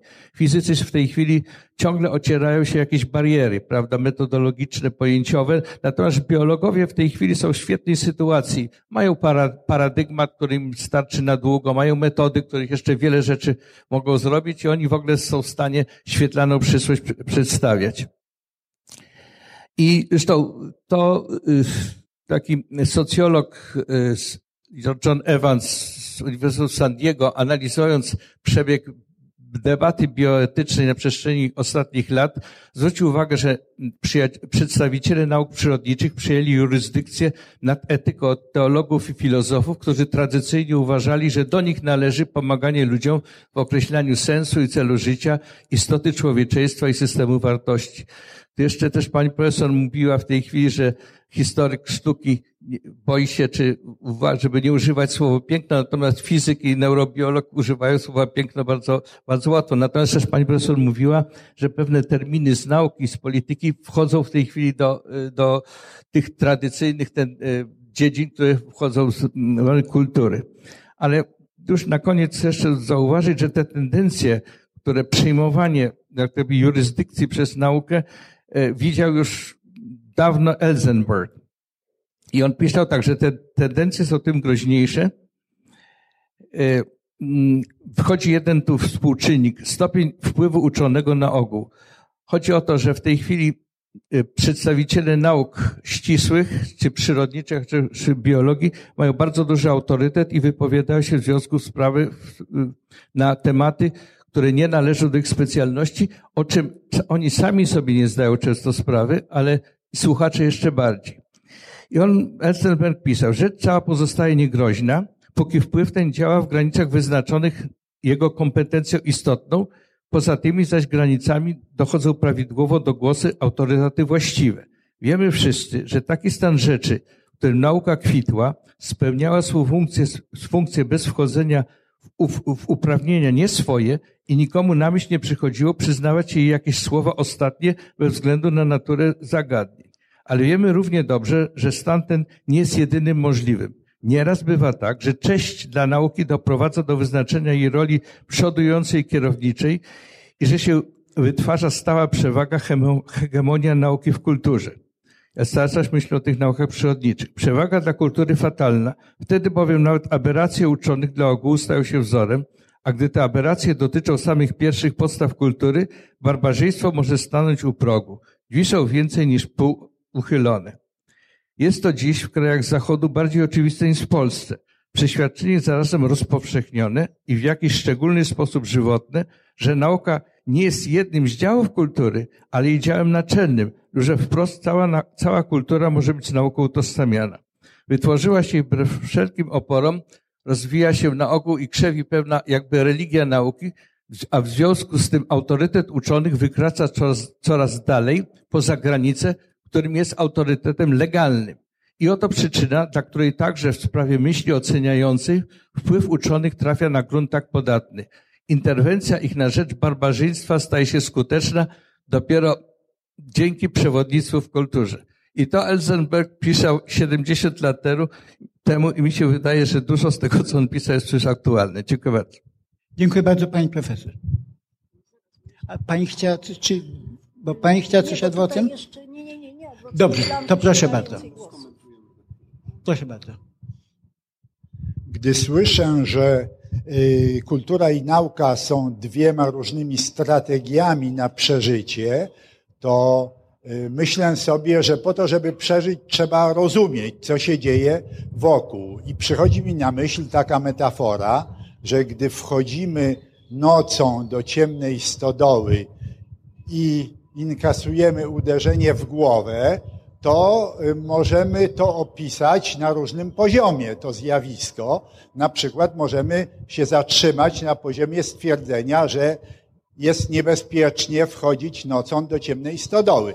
Ale możemy wziąć latarkę i stwierdzić, że tam leżą grabie i stanęliśmy na nie i spowodowaliśmy uderzenie, że bo te grabie jakoś tam powstały. Więc można w różny sposób opisywać rzeczywistość i nie widzę jakiejś, y, jakiej, żeby te jakiejś sprzeczności między kulturą a nauką. Zdecydowanie jest to, y, jest, kultura jest element, nauka jest elementem kultury. Gdy pan profesor wspomniał o sytuacjach, w których kultura zrobiła krzywdę nauce, na przykład zakazując sekcji zwłok, albo no, takie jakieś e, znane przykłady, gdy na Galileusza nałożono jakieś nakazy. Proponuję, żebyśmy sięgnęli do przykładów e, bliższych nam.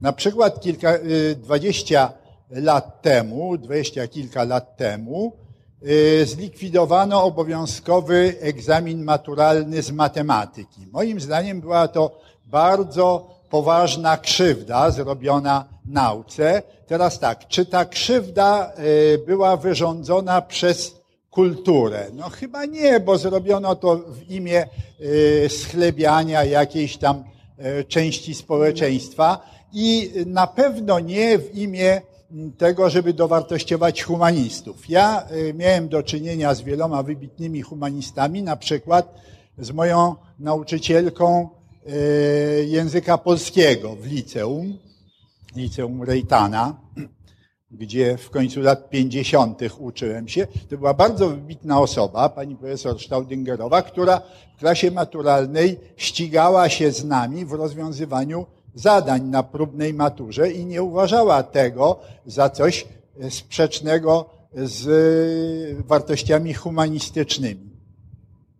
Chciałem jeszcze powiedzieć, że nie zgadzam się z ojcem Salijem, iż matematycy greccy e, stosowali e, matematykę tylko do e, tych wysokich, boskich zjawisk, ponieważ gdy się zwiedza jakiekolwiek wykopaliska na jakiejkolwiek maleńkiej wysepce na Morzu Egejskim, to to, co bije w oczy w porównaniu z wykopaliskami na przykład w, w o, na przykład, e, to, e, to są kąty proste, proszę Państwa. Kąty proste, które e, Grecy umieli zrobić, ponieważ znali prawo Pitagorasa i wiedzieli, że jak wezmą sznurek, który się składa z trzech, czterech i pięciu równych kawałków, to będą mieli idealny kąt prosty.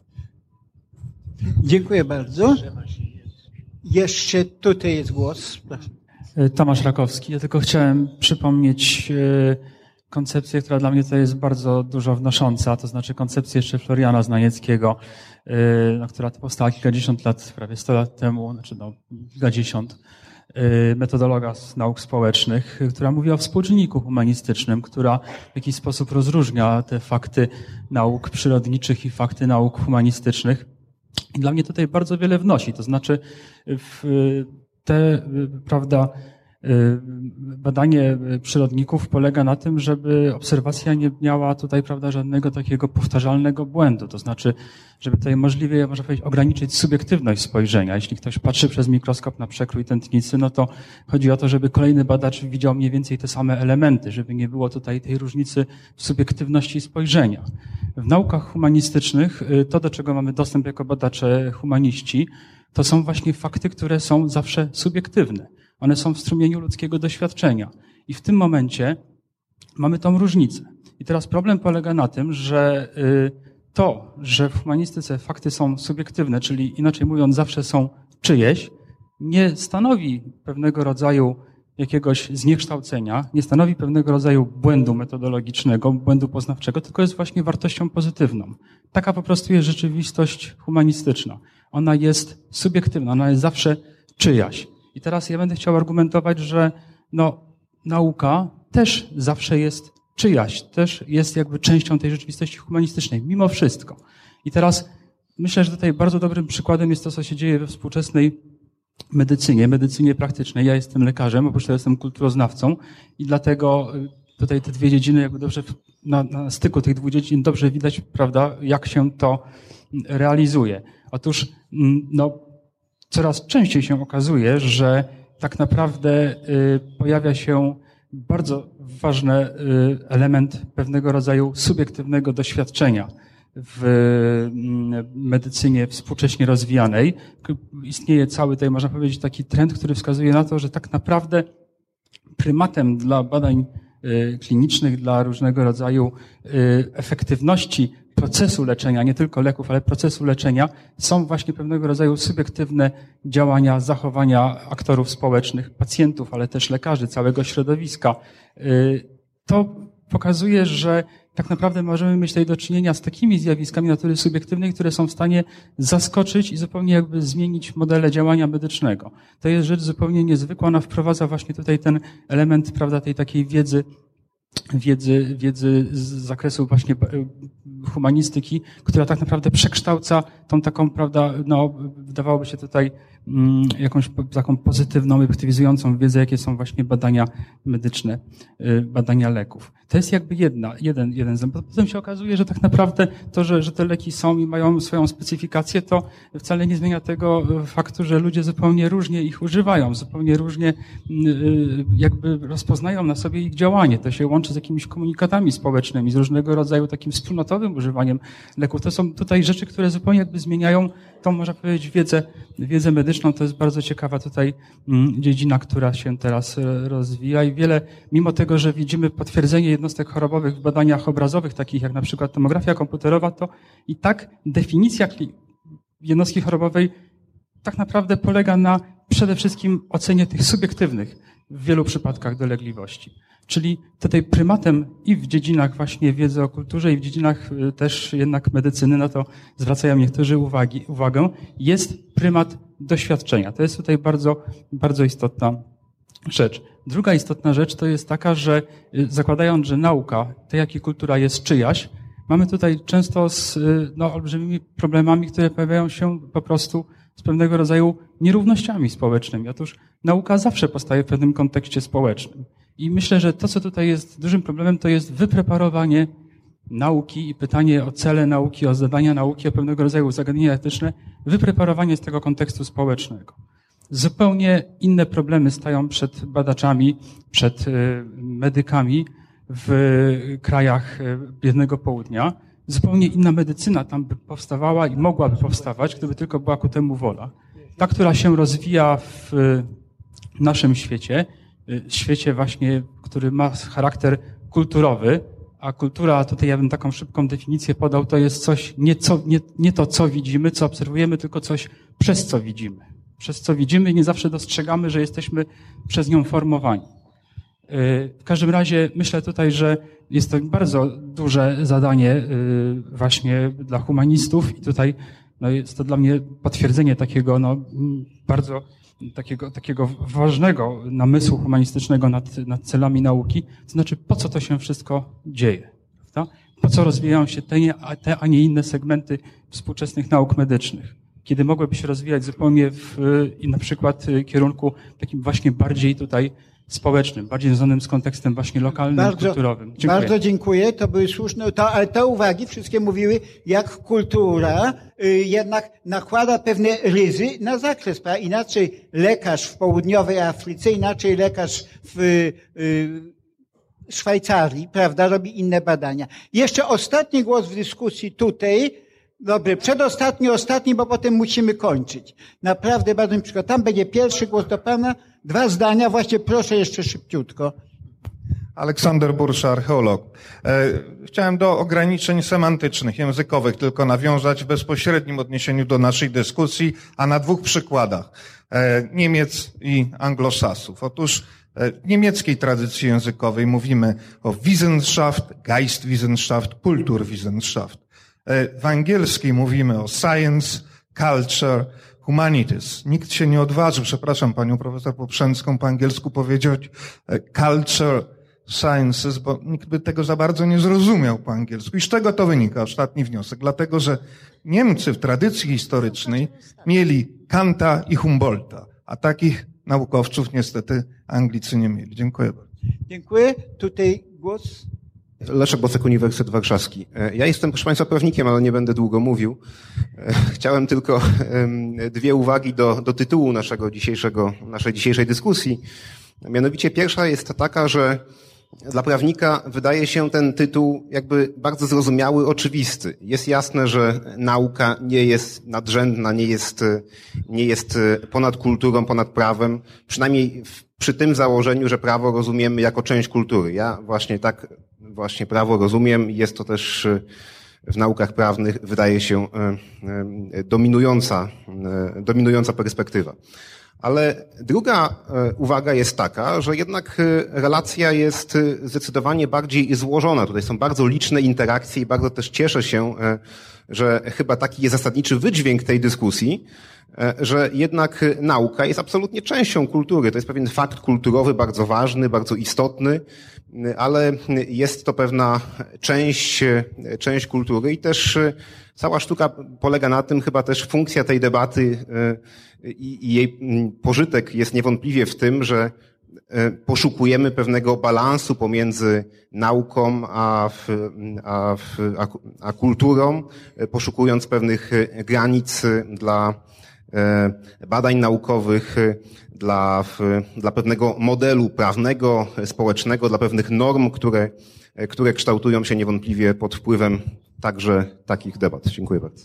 Bardzo dziękuję. Proszę bardzo teraz dyskutanci. Pani profesor. Ja tylko adwocem chcę powiedzieć, że co prawda nie ma cultural sciences, ale są cultural studies i one nie są w niczym gorsze poznawczo od Kunstwissenschaft. Natomiast, natomiast w krótkim podsumowaniu, większość Państwa wypowiedzi dotyczyła no, tej samej sprawy, którą, od której ja zaczęłam moje wystąpienie, mianowicie, że w postawieniu problemu i w nazwaniu tej debaty, nie explicite, ale implicite była zawarta pewna kontrowersja, czy przeciwieństwo pomiędzy, pomiędzy kulturą a nauką i tutaj właściwie wszyscy zgodnie żeśmy się temu na różne sposoby, używając różnych argumentacji, sprzeciwili. Natomiast Wydaje mi się, że wymiana zdań, bo to właśnie nie była żadna ani kontrowersja, ani polemika pomiędzy panem profesorem Meissnerem a mną, była najlepszym dowodem tego, że jest bardzo wiele płaszczyzn wspólnych. To nie tylko jest to słowo piękno, którego ja wystrzegam się po prostu z szacunku. Z szacunku, żeby go nie wyświechtać. Natomiast pojawiły się także inne słowa bardzo bliskie, już nie tylko humanistyce czy historii sztuki, ale sztuce i twórczości, kreacji jako takiej. To znaczy wyobraźnia, intuicja i takie przeczucie czy poczucie czegoś, co się wie, ale czego nie jest się w stanie wypowiedzieć w jakimkolwiek języku, czy języku werbalnym, czy języku niewerbalnym. I tutaj tylko tytułem pociechy chcę powiedzieć, że na szczęście istnieje jeszcze coś takiego jak semantyka milczenia. I że zamilknięcie, bądź też niemożność wypowiedzenia czegoś może być niesłychanie znacząca, żeby przywołać jeden przykład jednego z najwybitniejszych dzieł muzycznych XX wieku, jakim jest Johna Cage'a 4,33 to są 4 minuty i 33 sekundy milczenia. Więc zawsze jeszcze, to jest zresztą też stara, jak wiadomo, zasada retoryczna, że jak nie sposób powiedzieć, lepiej zamilknąć. Więc zawsze jak już nie dajemy rady, nie dajemy rady, to zawsze możemy zamilknąć i to milczenie będzie czasami znacznie bardziej i poznawcze, i znaczące niż może gadulstwo. Ja w tej sytuacji chyba powinienem milczeć, bo ja naprawdę nie daję rady.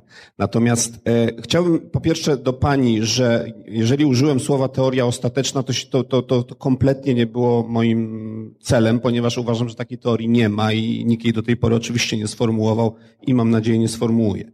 Po drugie, chciałem powiedzieć, że w to, co jest obecnie w, na, naszą, na, w naszej debacie, jest jak gdyby bardzo e, istotne to, że to prowadzimy w 2010 roku, a nie na przykład w 1890. Ponieważ w 1890 fizyka uważała, że wie wszystko. To znaczy, że wszystko, włącznie z kulturą, włącznie z moimi odczuciami, jak patrzę na zachód słońca, jest pochodną ruchu cząstek. I jak znam obecny stan, to przewidzę to, że za trzy lata o tej porze będzie mi się chciało napić herbaty, że wszystko jest pochodną ruchu cząstek. Ta pycha została natychmiast bardzo srogo ukarana w 900, a szczególnie w 900, 905, powstanie mechaniki kwantowej. Także teraz już fizycy mają na tyle, na tyle dużo wiedzą, że nie wiedzą, że takiej pychy już nie wykazują. To znaczy, że są zjawiska, które nie są w prosty sposób obejmowane właśnie opisem materialnego świata, i istnieje jeden problem, który dla mnie jest kluczowy, absolutnie wzbudzający najwyższe zadziwienie. To jest coś, co jest dla mnie, w cudzysłowie, dowodem na istnienie transcendencji jakiejkolwiek, bo ona nie była, mianowicie fakt, że nasz świat jest poddany jakimkolwiek prawom. I te prawa są uniwersalne. To jest coś zdumiewającego i to nie na, sama nauka nigdy tego nie wyjaśni. To należy do meta fizyki, a nie do fizyki, ponieważ fizyka może korzystać z tego, badając, jakie są prawa, natomiast nie dlaczego te prawa istnieją i dlaczego dzięki temu możemy kumulować wiedzę, możemy rozwijać kulturę, że możemy budować doświadczenie. To jest dla mnie kluczowe pytanie i dzięki temu wszyscy istniejemy zresztą, dzięki temu te nauki ścisłe, humanistyczne, wszystkie mogą istnieć, dzięki temu, że świat poddany jest prawom. Ale to, dlaczego jest poddany prawom i czy to dlaczego w ogóle można postawić, czy jest zasadnym pytaniem, jest poza nauką i dzięki temu możemy spotykać się na różnych gremiach. Dziękuję bardzo. Proszę Państwa, kończymy tę dyskusję. Ja jeszcze tylko chciałem powiedzieć, że ja mimo wszystko chciałem powiedzieć, mnie zarzucono, że jestem pozytywistą. Jestem. Jednak koniec końców mosty nie budują, mostów nie budują poeci, tylko budują pozytywiści. Chciałem powiedzieć, ponieważ rzeczywiście my rozumiemy naukę jako science, a nie w tym szerszym częściu. Oczywiście nauka jest pochodną, nauka science jest pochodną kultury, ale jest jak gdyby jej częścią, która się wyróżnia przez metodologię, ponieważ nauka ma określoną metodologię i właściwie te historie, o których mówiono o ograniczeniach, to było, kiedy metodologia nauki jest uważana przez kulturę, przez pozostałe części kultury za niedopuszczalne albo wątpliwe, do podważenia albo nieetyczne. Padło tutaj bardzo wiele niesłychanie istotnych uwag. Mnie się najbardziej oczywiście do serca wchodziły wszystkie te uwagi dotyczące neurobiologii, biologii, medycyny, co jest zrozumiałe. Ale chciałem powiedzieć, że teraz właśnie nauka na przykład bada takie efekty, jak efekty placebo, prawda?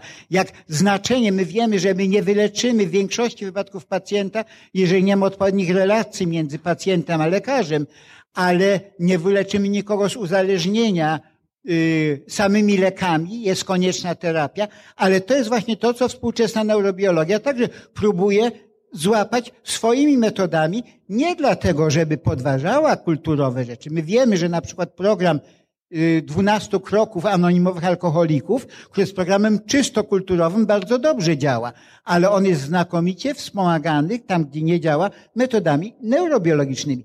Ja uważam, że nie ma sprzeczności między tym, co nazywamy nauką i która uważam, że jest autonomiczną częścią kultury, zgodzę się, że ona jest a, ale są pewne wzajemne ustalenia, zresztą sądzę, nie powiedzieliśmy jeszcze jednej ważnej rzeczy, jak nauka niesłychanie wpłynęła na kulturę. Nasza kultura w wielu wypadkach jest uzależniona w jakiś sposób od nauki. Nasza filozofia jest uzależniona od nauki. Mój y, taki jeden z wybitnych nauczycieli y, powiedział kiedyś, nigdy nie został, nigdy nie został Józef Chojnacki profesorem, ponieważ powiedział w złych czasach, że marksizm jest filozofią okresu dyliżansu i że musi zostać zmieniony. Było to oczywiście szokiem, ale on to udowodnił. On mówił, filozofia zawsze sięga po szczyty rozwoju nauki. W czasie, kiedy Marx pracował, szczytem wszystkiego była termodynamika, cykl cieplny, bilans cieplny. Marx zafascynowany tym szukał, skąd się bierze zysk kapitalisty, a wiedział z rozwoju fizyki, że to musi być kosztem czegoś, no i wynalazł, że tym kosztem jest brak pracy, niezapłacona praca robotnika. A więc ja chciałem jeszcze zwrócić uwagę na to, że ten stosunek tego, co nazywam nauki i reszty kultury, jeżeli tak wolimy mówić, jest stosunkiem, z którego obie strony mogą bardzo wiele korzystać. I czasami się kłócą, ale w sumie obie idą w tym samym kierunku. Bardzo serdecznie Państwu dziękuję. Proszę podziękować tutaj naszym dyskutantom i bardzo dobrze taka dyskusja. Dziękuję bardzo.